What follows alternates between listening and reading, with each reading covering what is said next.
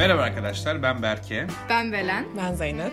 Bugün sizlerle beraber yeni bir bölümle karşınızdayız. Gündem konusu. Koronavirüsü. Ee, aslında biraz bundan konuşmak istiyoruz. Biraz da bazı şeylerin önemini tekrar size söylemek istiyoruz. Ee, bu da aslında temiz bilgiye ulaşmanın artık ne kadar zor olduğu ile ilgili. Değil mi arkadaşlar? Sen biraz Evet. sinirlisin bu konuda. Ben birazcık Belki bugün, bugün çok sinirliyim. Evet doldu. belki bugün çok doldu. Çok gergin. Evet, biraz bununla konuşmak istiyorum. Bugün, Ortam çok kaotikti bugün. Dün gece bizim e, Üniversitesi Rektörü tarafından yapılan bir açıklama var. E, alınan önlemleri anlattıkları ama okulu tatil etmedikleri. E, ama bütün shuttle'ların, servis alanlarının işte sterilize edileceği, okulun sterilize edileceği üzerine bir çalışma. Sonra bugün bir fotoğraf bütün okuldaki WhatsApp gruplarına atıldı ve bir İranlı kızın aşırı ateşten bayıldığı, Evet. o da arkadaşlarının da aynı şekilde bayıldığına yönelik bir Ve dedikodu. doktora gittiği, acile kaldırıldığı Aynen. bir şeyler. Bu bir şekilde. Şeyler. Aslında olan sadece okulun daha önce duyurduğu e, bir sterilizasyon çalışmasıydı. Ama çok hızlı bir şekilde biliyoruz ki hepimiz şu an panik durumdayız. Evet belki bizim yaşımız için o kadar ölümcül olmamasına rağmen şu anda benim yakın çevremde ailesi 50 yaşından daha genç olan yok. Dolayısıyla aslında hepimizin asıl korkusu burada ailemize bunu, kardeşlerimize bunu taşımak. Evet, kesinlikle. Ee, bu kadar hassasken bir konu bunun üzerine net bir şey bilmeden e, hem sosyal medyadan hem de bu tür mecralardan özellikle gezi zamandaki ses kayıtları. E, lütfen arkadaşlar siz de dinlemeyin. Hep doğru bilgiyi kovalayalım hep beraber. E, ama tabii sosyal medyanın gücü burada hala çok önemli. Doğru bilgi için hala çok önemli. Özellikle Türkiye gibi bir ülkede. Ama yine de aldığımız bilgileri lütfen e, akıl ve mantık süzgecinden geçirip doğrudan yaymadan önce emin olduğuna emin olup daha sonrasında bunları yaymakta daha büyük fayda var. Bir de diyorum. yayılan mecralar e, işte Özdeğin'le ilgili çok kişi takipçisi olan hesaplar. Kesinlikle, Evet. Ve. WhatsApp grupları yani kaç kişi var o WhatsApp Herkes gruplarında? konuşuyor. 300 var. Ve şöyle düşün 300-300 var hadi ben atıyorum sen farklı Evet, WhatsApp evet, grubuna evet, atıyorsun. evet. Sen Herkes WhatsApp grubuna birbirine atıyor, atıyorsun. aynen. Dolayısıyla insanlar birbirinin etkileşiminde olmayan insanlar bile bunu atmaya Ya başlıyorlar. Black Mirror'ın böl- bölümü gibiydi bir tane. Kesinlikle Kocaman öyleydi. Benim elim ayağım titredi ilk duyduğumda. Evet, Kendi evet, evet, adıma. evet. yani biraz daha Gidiyoruz rahattım. yani. bir gidiyorduk. O yüzden bu sıkıntı. Ama ne yapacağımızı da konuşalım. Şu an biz hepimiz şunu yapıyoruz arkadaşlar başlamadan önce. bir kolonyalandım. Evet. Tavsiye ederim. Dezenfekte. Tabii ki. Dezenfekte bu sabun gibi olanlardan. Evet. Bir de şey var. Ee, reklam yapayım falan. diye. Activex'in ee, bu Püren ıslak mi? mendille gibi şeyleri var ama bakterilerin %99.9'unu Hmm. öldürüyor şeklinde. Bir de öyle bir şeyim var. Bölüm sponsorluğu için Activex'e Teşekkür ederim. Ediyoruz. sana. Belki çok Ee, hazırlıklı. ya kullanın yani. Evet. Ama bir de bugün şunu fark ettim çok kısa ondan bahsedeyim. Bugün alışveriş çıktım Migros'a gittim.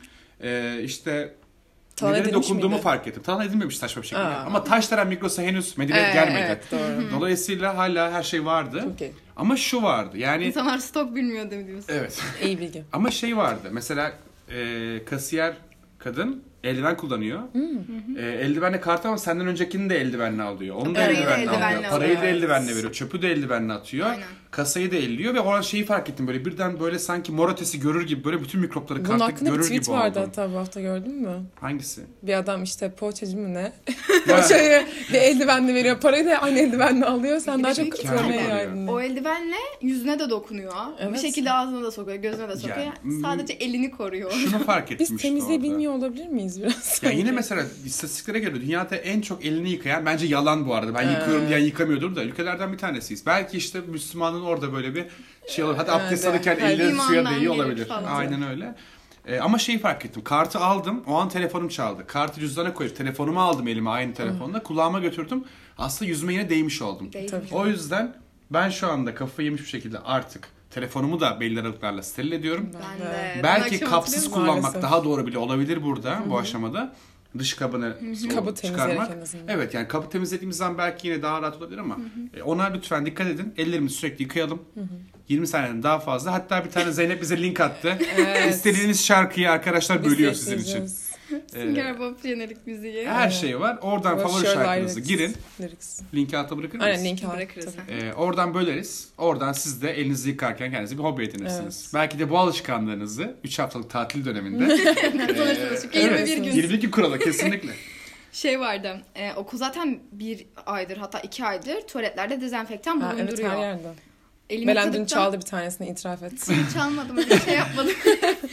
şey e, o dezenfektanlarla elimi yıkadıktan sonra hep işte şeye sıkıyorum peçeteye sıkıyorum ve telefonumu siliyorum. Yani onun da yapılması gerekiyor bence ve her arkadaşıma söylüyorum. Bu arada. Migros'ların da kapılarına dezenfektan koymuşlar. Ben bugün gittiğimde mi? vardı. Evet. Ha, dokunurken aldığınız virüsle sonra öldürdüğü yine sizi aynı yere getiriyor büyük ihtimalle. Ama yine de Peki şey gördünüz mü? Arabistan'da bir tane yabancı adamları şey... Racism Racism çok Adamın kötüydü. üzerine giydirmişler, Giydirmişler, dezenfektan, diye dezenfektan diye gezdirmişler. Çok utandım. Çok utanç İnsan olmaktan utandım yani. Gerçekten çok kötüydü.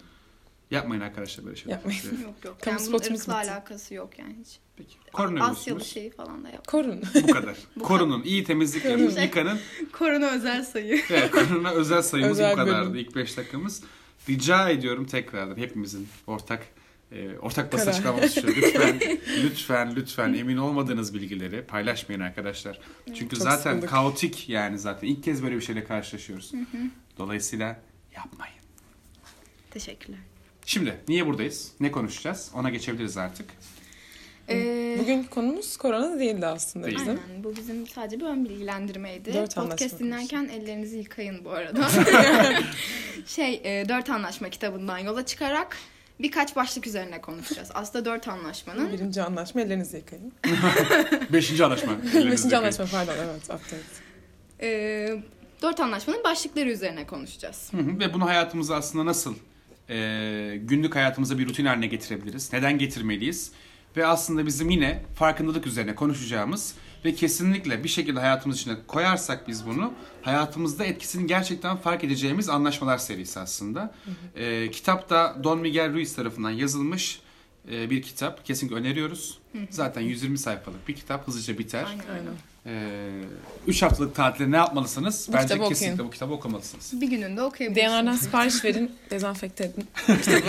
bir gün çamaşır suyuna Bir gün bekledikten çamaşır sonra okumaya hazır. Evet. Aslında bu anlaşmalar birazcık daha bizim hani tarihten bildiğimiz anlaşmalardan ziyade e, bize bir şekilde bunlar aslında lan- şey yapılıyor. E, Dikte- zorlanıyor. Dikte ediliyor. Dikte ediliyor. Biraz daha bunun üzerine. Bu anlaşmaların ne olduğuna geçmeden önce bunların nasıl oluştuğundan aslında bahsediyor kitapta da. Bu noktada toplumsal bir rüya üzerinden daha çok var. Yani biz doğuyoruz. Bu toplumsal rüyayı bilmeden bir bireysel bir rüyayla doğuyoruz. İşte e, mesela bununla ilgili şeyler var, deneyler var atıyorum. Reisizm doğuştan yok aslında. Bebekler farklı iki ırktan bebekler birbirine gayet güzel oynarken büyüklerde birazcık daha çekinme duygusu çıkıyor. Aslında bunu da zamanla öğreniyoruz. Yani bireysel rüyaya baktığımızda aslında sınırı olmayan, biraz daha bence barışçıl, daha büyük bakan her şeye, daha böyle e, detayına kadar da inen bir bakış açısıyken aslında bize dikte edilen şeylerle beraber e, aslında bizim de yavaş yavaş toplumsal rüyaya göre düşünmek zorunda bırakılıyoruz. Kesin. Benim notlarım var, senin de notların var. Aynen. Tamam. Ee, bu düşüncenin aslında çıkış noktası şu. Diyelim ki biz bir şey düşünüyoruz. Ben Zeynep'i yargılıyorum şu an. Ama Zeynep'i neye göre yargılıyorum? Bu benim Zeynep'i yargılamam kafamda benim kendi düşüncelerim tarafından mı gelmiş? Yoksa bana öğretilmiş bir şekilde benim çevremin yargıları mı, anne babamın yargıları mı, öğretmenlerimin yargıları mı, kendi rol modelimin yargıları mı vesaire vesaire. Aslında çıkış noktası bu gerçekten kendi yargımız mı, bu bizim gerçek düşüncemiz mi bunu bulmak. Hı hı. Burada şunu ekleyebilirim ben oraya. Bence oturabilir gibi geldi bana. Ee, aslında toplumsal rüya bize nasıl bir insan olacağımızı öğretiyor. Ama aslında baktığımızda dilimizi konuşmak bizim seçimimiz değildi. Dinimizi, ahlaki değerlerimizi biz seçmedik. Onlar biz doğmadan önce de vardı ve neye inanıp inanmayacağımızı seçebilmek için bir olanağımız olmadı. Dolayısıyla aslında bu anlaşmalardan hiçbirini biz seçmedik. Evet. Bunlar bize dikte edildiler. Yetişkinlerin söylediği her şeye inandık. Kesinlikle öyle. Orada bir de şu var aslında. Bu sürece insanları ehlileştirme süreci di- diyor hiç. Aynen. yani yazar, şair diyordum. ee, ehlileştirme yoluyla nasıl yaşayacağımızı, nasıl rüya göreceğimizi öğreniyoruz. İnsan ehlileştirmede toplumsal rüyadan gelen bilgiler içsel rüyaya ulaştırılarak tüm inanç sistemimiz yaratılır diyor. Bir de şey eklemek istiyorum. Toplumsal rüya aslında bize nasıl insan olacağımızı öğretir diyor. Ve kadının ne olduğu, erkeğin ne olduğunu öğreniriz. Tabii yargılamayı da bu şekilde öğreniriz ve kendimizi yargılamaya baş- başlarız. Başka insanları da yargılarız. Kendimden küçük bir örnek vermek istiyorum bu arada. Ben hani Lütfen. yine yok yok. e, ders ben- düşünün. Zeynep'i yargılıyoruz. Seni ders çalış. Yarın sınavın var. Tamam vermeyeceğim. Ver ya. Ver. Hayır hayır gerçekten vermeyeceğim. Şimdi vermeyeceğim. Peki. Merak etme. Ee, Özür dilerim. bu noktada aslında nasıl bir insan olacağımız derken bunun en büyük sebebi de aslında içimizdeki yargıç diye geçiyor. Evet. Ee, içimizdeki yargıç da nasıl oluşuyor aslında? Çok az ondan bahsetmemiz lazım bence. Çünkü kurallara nasıl ulaşıyor? Çünkü saçma oldu ama. Olsun. Kurallara aykırı davrandığımızda hep cezalandırıldık. Kurallara uyduğumuzda ödüllendirildik. Her gün defalarca cezalandırıldık ve defalarca ödüllendirildik. Bir süre sonra hem cezalandırılmaktan hem de ödül almamaktan korkmaya başladık. Bu ödül ve cezayı aslında büyük bir şey değil de arkadaşlarımızın, ailemizin bize gösterdiği sevgi olarak düşünebiliriz. Ee, dolayısıyla bu ilgi ve sevgiyi biz ödül olarak gösterip bunu göremediğimizde de bir ceza olarak gördüğümüz için aslında gün içinde sürekli cezalandırıldık ve ödüllendirildik. Ve bunların sonucunda da kendimiz olmaktan hep korktuk. Bence o birazcık bizim önceki bölümümüzdeki Kırılganlığa. kırılganlığa Evet, geri dönüyor. kesinlikle. Yani sevilmeye değer misin, değmez misin Değmez konusuna misin? geliyor birazcık daha. Çünkü kendimiz olmaktan korkuyoruz.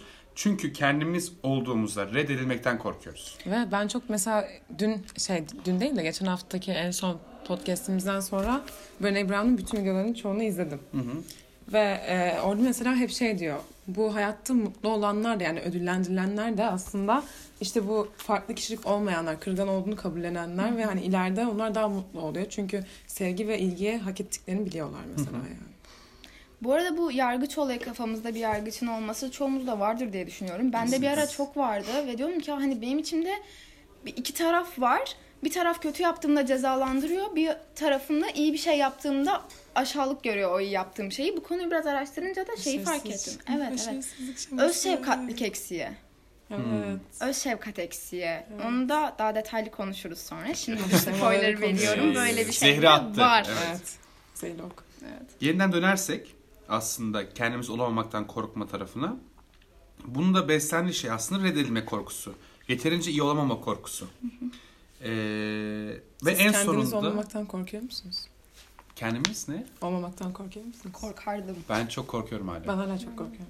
Ben de. Belki ben de korkuyorumdur da açtığımı düşünüyorumdur. Bak şu an bile ne kadar şey yaptım. Hatta kendimi söylüyorum bazen yargıladım. kendim olmadığımda çok şey olduğunu. Kendi normalinde çok gerilersin. Evet. Yani şöyle bir şey aslında. Bence şuna bağlanabilir. Ben sıradan bir insan olup ölmekten de çok korkuyorum. Bence biraz o tarafı da var. Yani herkes gibi yaşayıp ölmek O istemiyorum. baskı mı var üzerinde? Kendi kendime yarattığım bir baskı. Birine bir hayrım dokunmadan, bir insanın hayatlarına dokunmadan, Tabii. bir iz bırakmadan gitmek bana çok korkunç geliyor. O bende çok var biliyor musun? Ee, dolayısıyla her yani kendim olmaktan olamamaktan korkuyorum yani. Bu mu yani ve öyle bir soru vardı galiba. Neydi? Şey Ha hiçbir şey musun yaşamadan ya? ölmek. Aynen, hayır, hayır. Nasıldı o ya? ya çok e, herkesin hatırladığı biri olarak öleceksiniz. Ama çok ne Mutsuz olacaksınız Aa, mı? mutsuz mu oldun? Çok Tatminsiz mi? miydin? Hayır kimse sana bakamıyor Aa evet öyle şey, bir şeydi. şey şey e, son bölümde vardır hatırlayacağız evet. şimdi. Ya, Dur, yani şey- ben hatırlıyorum.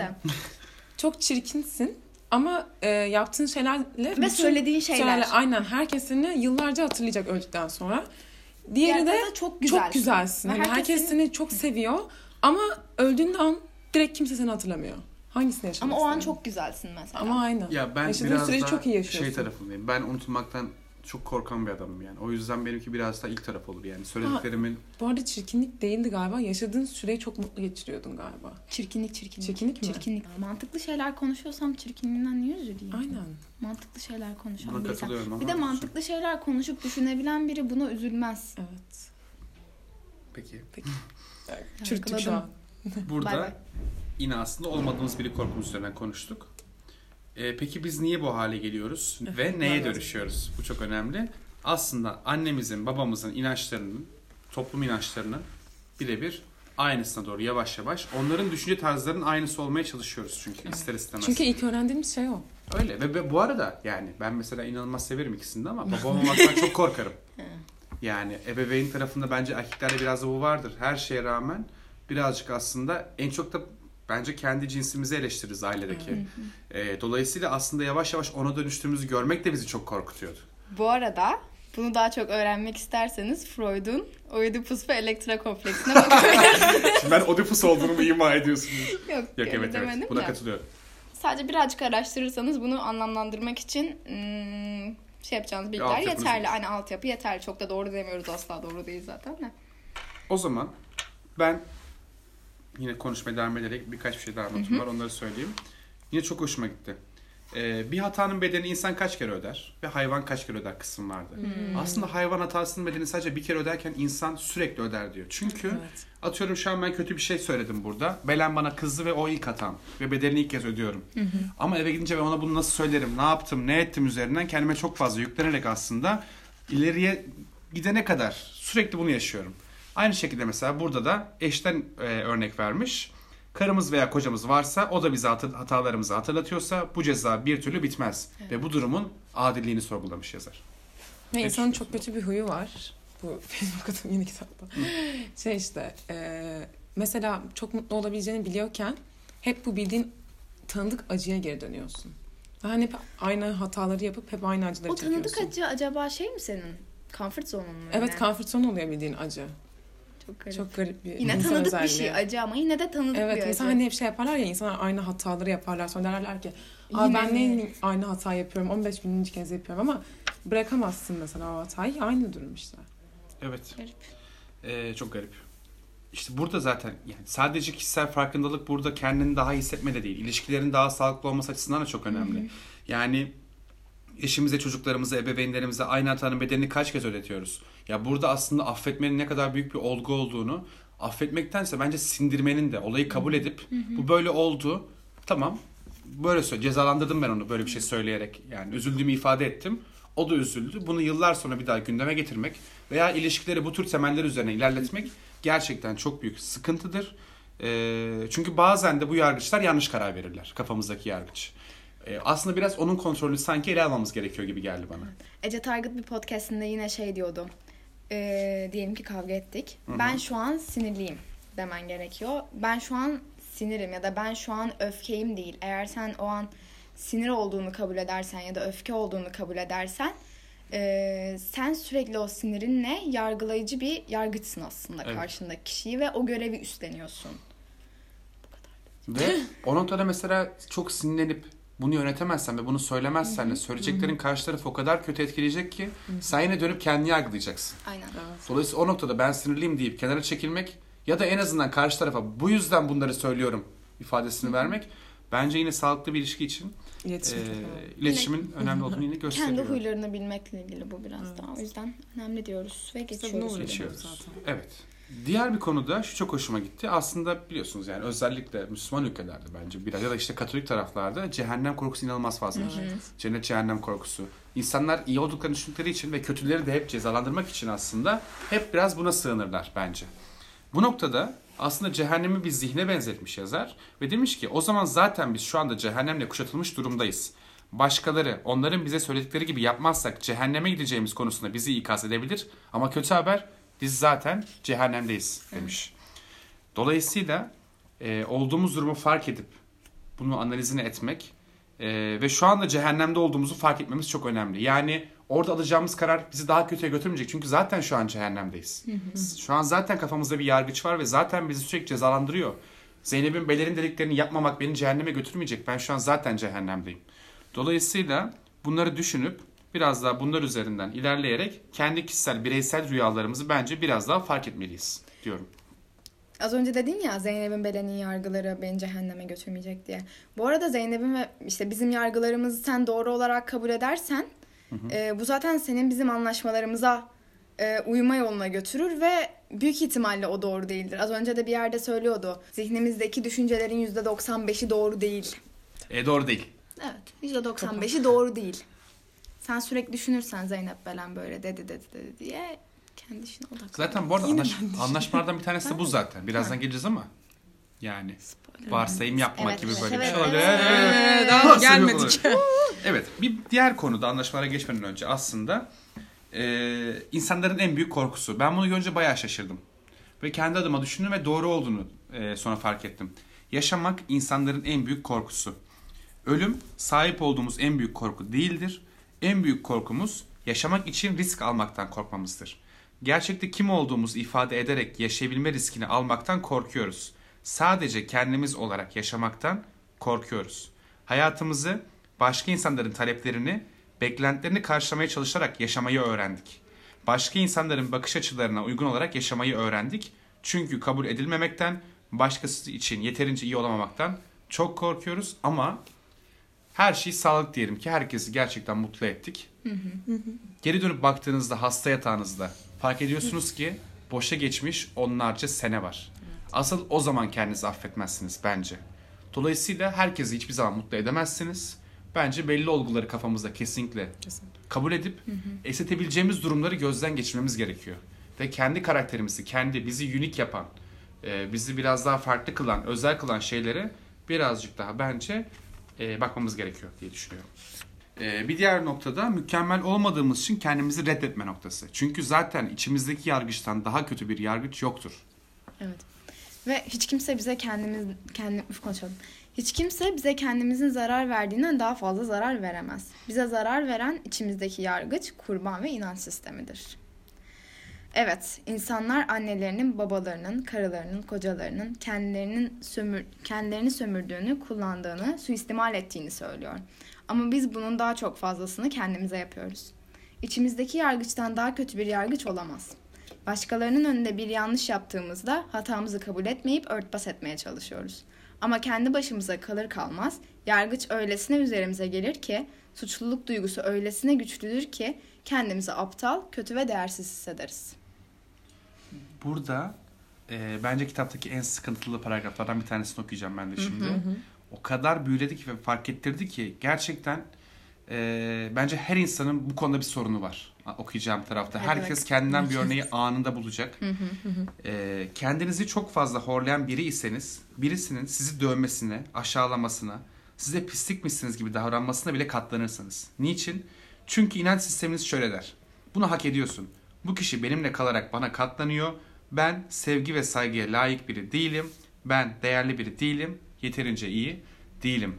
Belki iyi bir örnek değil ama aile şiddet vakalarının da bence birçoğu aslında insanların bunu düşünmesinden Kesinlikle dolayı. Aynen. Bu kişi benimle kalmaya katlanıyor. Kesinlikle. Bana vuruyor ama şu an benim yanımda. Daha iyisini bulamam. Ben değerli biri değilim. Aslında herkes çok değerli. Herkes. Ve e, bu çok tehlikeli bir düşünce yapısı. E, ve aslında Brené Brown'un da söylediği şekilde sevgiye değer görmeme tarafı. Çok sıkıntı. Kırılgan olmama, kendin olmama. Aynen. Var mı ekleyeceğin bir şey? işte şu karılarının kocalarının kendilerini sömürdüğünü söyleme kısmı da aynı şekilde ona bağlanıyor. Aynen öyle. Bir de şey diyor, kendimize duyduğumuz öz sevgi ne kadar çoksa öz zararda o kadar az olur. Burada da öz sevgiye, Öz öz. Aynen şefkate geliyoruz. Burada e, senin daha yukarıda var sanırım? Orada. Hı, yok onun devamı ama ben çizmemişim. Ha Tamam. şurasını mı Hı hı, diyorsun? orayı. Bir de şey, bu bizim geçen konuştuğumuz ım, şeyle çok mükemmellik, mükemmelliyetçilikle çok bağlantılı. Kendimizi reddetmemizin nedeni mükemmellik im- imajına sahip olamamamızdır. Hepimiz mükemmelliyetçiyiz bu kadar. Ya ister istemez kendine ilgili insan Öyleyiz. aslında mükemmel oluyor. Mükemmeliyetçi oluyor. Yani Evet. hep en iyisini yapmak istiyoruz. Çünkü burada mesela belki 10 tane hayatımız olsaydı eğer bunu bilseydik biraz daha bir ikisini farklı yaşardık diye düşünüyorum. Ee, ama burada bir sonrasında ne olacağını bir verdiği bir belirsizlik, ne zaman öleceğinin verdiği bir belirsizlik. Ee, dolayısıyla bu noktada hep aslında bir optimizasyon var diyebilir miyiz? Yani yaşadığımız, yeri sürekli yaşadığımız anı en iyi şey getirmeye çalışıyoruz. Ve bir şey istediğimiz gibi gitmezse bunu kabul edip yeni bir yol bulmaktansa kendimizi sorgulayıp içimizdeki yargıcı devreye sokup demotive oluyoruz. Size bir şey söyleyeyim mi? Lütfen. Geçen podcast'te annemler dinlemiş yine işte sonrasında oturup konuştuk. Shout out. Aynen anneme selam. Selamlar. Şey e, dedim. Siz aslında kendinizi çok mükemmelliyetçi görüyorsunuz. Çünkü, çünkü sizin kafanızdaki imaj hep daha iyisi. Aslında asla sandığınız kadar kötü bir şekilde mükemmelliyetçi değilsiniz. Sadece kendi hayrınıza olabilecek kadar mükemmelliyetçisiniz. E, üç kişi toplanıp başka biri asla böyle bir şey yapmaz. Hani bir mikrofonu ortaya koyup kendi sıkıntılarını paylaşıp e, asla Spotify'da, Apple Music'te, Instagram'ında paylaşmaz kimse dedi. Biz aslında Katılıyorum. kendinizde çok barışık çocuklarsınız dedi. Ya bence ilk adım attık orada. Yani Evet. farkındayız biz bunu. Yani ve başkaları da fark etsin istiyoruz. Ve bu noktayla ilgili mesela farkındalığı atmasını hiç beklemediğim arkadaşlarım. Ya. Ee, direkt kendini anlayacaklar ben bunu söyleyince. Oturup dinliyor ve durdurup beni arıyor diyor ki ya Berke evet. ya en büyük keyfi bu yani benim için. Ee, ben de buradan Alper'e selam gönderiyorum. Ama şey değil mi? Yani biraz kırılganız aslında. Bu yani bu çekimleri yaparken özellikle. Normalde de kimseye söylemeyeceğim şeyleri burada söylüyoruz aslında. Öyle bence de. Ya bence Ve burası kırgın biraz olmakta sıkıntı yok bence kesinlikle. kesin günah çıkarma gibi ya Evet, biraz. evet, günah Yani çıkarıyoruz, olarak kesinlikle. Şu oturduğumuz masa bir aydır günah çıkarma masası büyük ihtimalle ve karşımızda kimin dinlediğini de görmüyoruz ya. Biz Evet. bizeyiz biraz da böyle. Ben bu arada çok keyif aldım. Bana iyi geldiğini ben fark ettim. Bana da iyi geldi. E, geldi. Bir hafta boyunca hep diyoruz ya çekelim çekelim. Evet bir de yıllarca okuduğum işte o kişisel gelişim kitaplarını bu şekilde şey yaparak daha Patlamasını yaşıyorum. Kişisel gelişim. Evet. ben bu arada inanılmaz Ben Belen'e ilk bir kitap aldım. Dedim ki şöyle bir kitap aldım. Kitabın ismi de Hayatı Yeniden Keşfediyor. İsmi aşırı şey bir isim yani. Cringe ve hani kişisel gelişimin kendisi yani. Belen diyor ki içinde ne yazıyor? İlk madde su için, ikinci madde meditasyon yapın.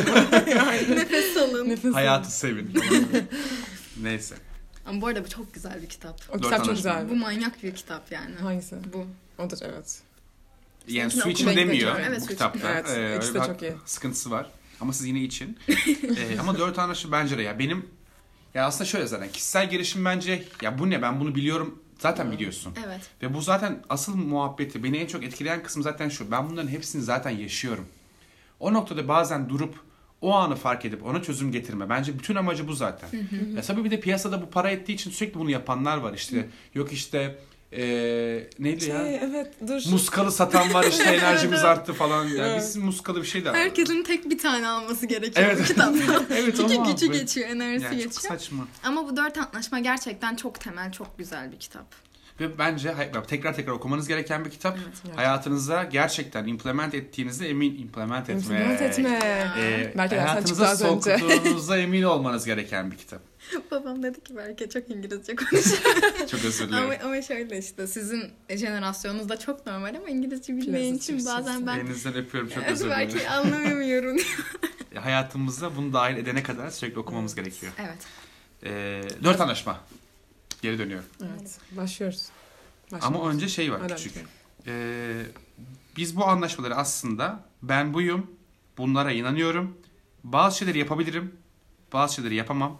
Bu gerçek, bu fantezi, bu mümkün, bu imkansız şeklinde değerlendirmemiz gerekiyor. Çünkü eğer doyumlu ve haz dolu bir yaşam sürmek istiyorsanız korku temelli anlaşmalarınızı feshetme cesaretini göstermeniz gerekiyor. Bireysel gücünüze sahip çıkmanız gerekiyor. Korku temelli anlaşmalar çok enerji emerek bizi tüketir. Sevgi temelli anlaşmalar ise az enerjiyle çok şey yaratır ve daima ekstra enerjiye sahip oluruz diyor yazar. Burada bence de yani e, bence bizim yaptığımız da bir değişimdi. Bunu fark ettik ve bir adım attık ama çok sancılı bir değişimdi. Kitap okumak zorunda kaldım ben kendi adıma. Konfor alanımdan çıktım. Bütün yoğunluğum arasında mesela. Şimdi diyorum ki o kadar yoğun değilmişim. Kitap ayıracağım zamanı ayırabildim çünkü. E, o noktada ben hayatımı değiştirmek istiyorum. Bunu söylemek çok kolay. Ama orada ilk adım atmak çok zor. Dolayısıyla orada kesinlikle acı zaten olacak. Yani değişime hazırlanan herkesin bunu söylemesi lazım. Belki de Belen'in ve Zeynep'in bir önceki bölümde anlattığı Kaizen bunun için iyi bir başlangıç olabilir diyorum. Bir de şurada dedin ya az önce korku temelli anlaşmalar çok enerji emerek bizi tüketir. Hı hı. Zeynep'in aslında biraz daha bahsettiği kendin olamama. Hı hı. Kendin olamamanın getirdiği yorgunluk ve bitkinlik de buna bağlanıyor. evet, kesinlikle. E, bu bölümde biraz daha koronavirüsü ve doğru bilginin önemi hakkında ve bir de e, dört anlaşmanın ilk baştaki aslında anlaşmalar ve kişisel farkındalığımız hakkında konuştuk. E, bir diğer bölümümüzde de anlaşmaların detaylarını bulabilirsiniz. Bence 3 haftalık tatilde yapılabilecek en tatlı şeylerden bir tanesi kendinize zaman ayırmanız. Dışarı Kaç çıkmayın sene ve yapmanız? Kesinlikle doğru. Kendinize iyi Görüşürüz. bakın. Hoşça Ellerinizi kalın. yıkayın. Hoşça Ne denir dananın kuyruğu koptu denmez buna. Bunu demeyeceğim. Bütün sırların açığa çıktı. Anlaşmanın ne Hayatınızın oldu? şifresini çözün. Nerede diyor bunu ya? Ne diyordu dur aa, unuttum. Sıra bana geldi. Evet, Dördüncü kalın. bölüm. Geldi. Evet, evet. En baştayız.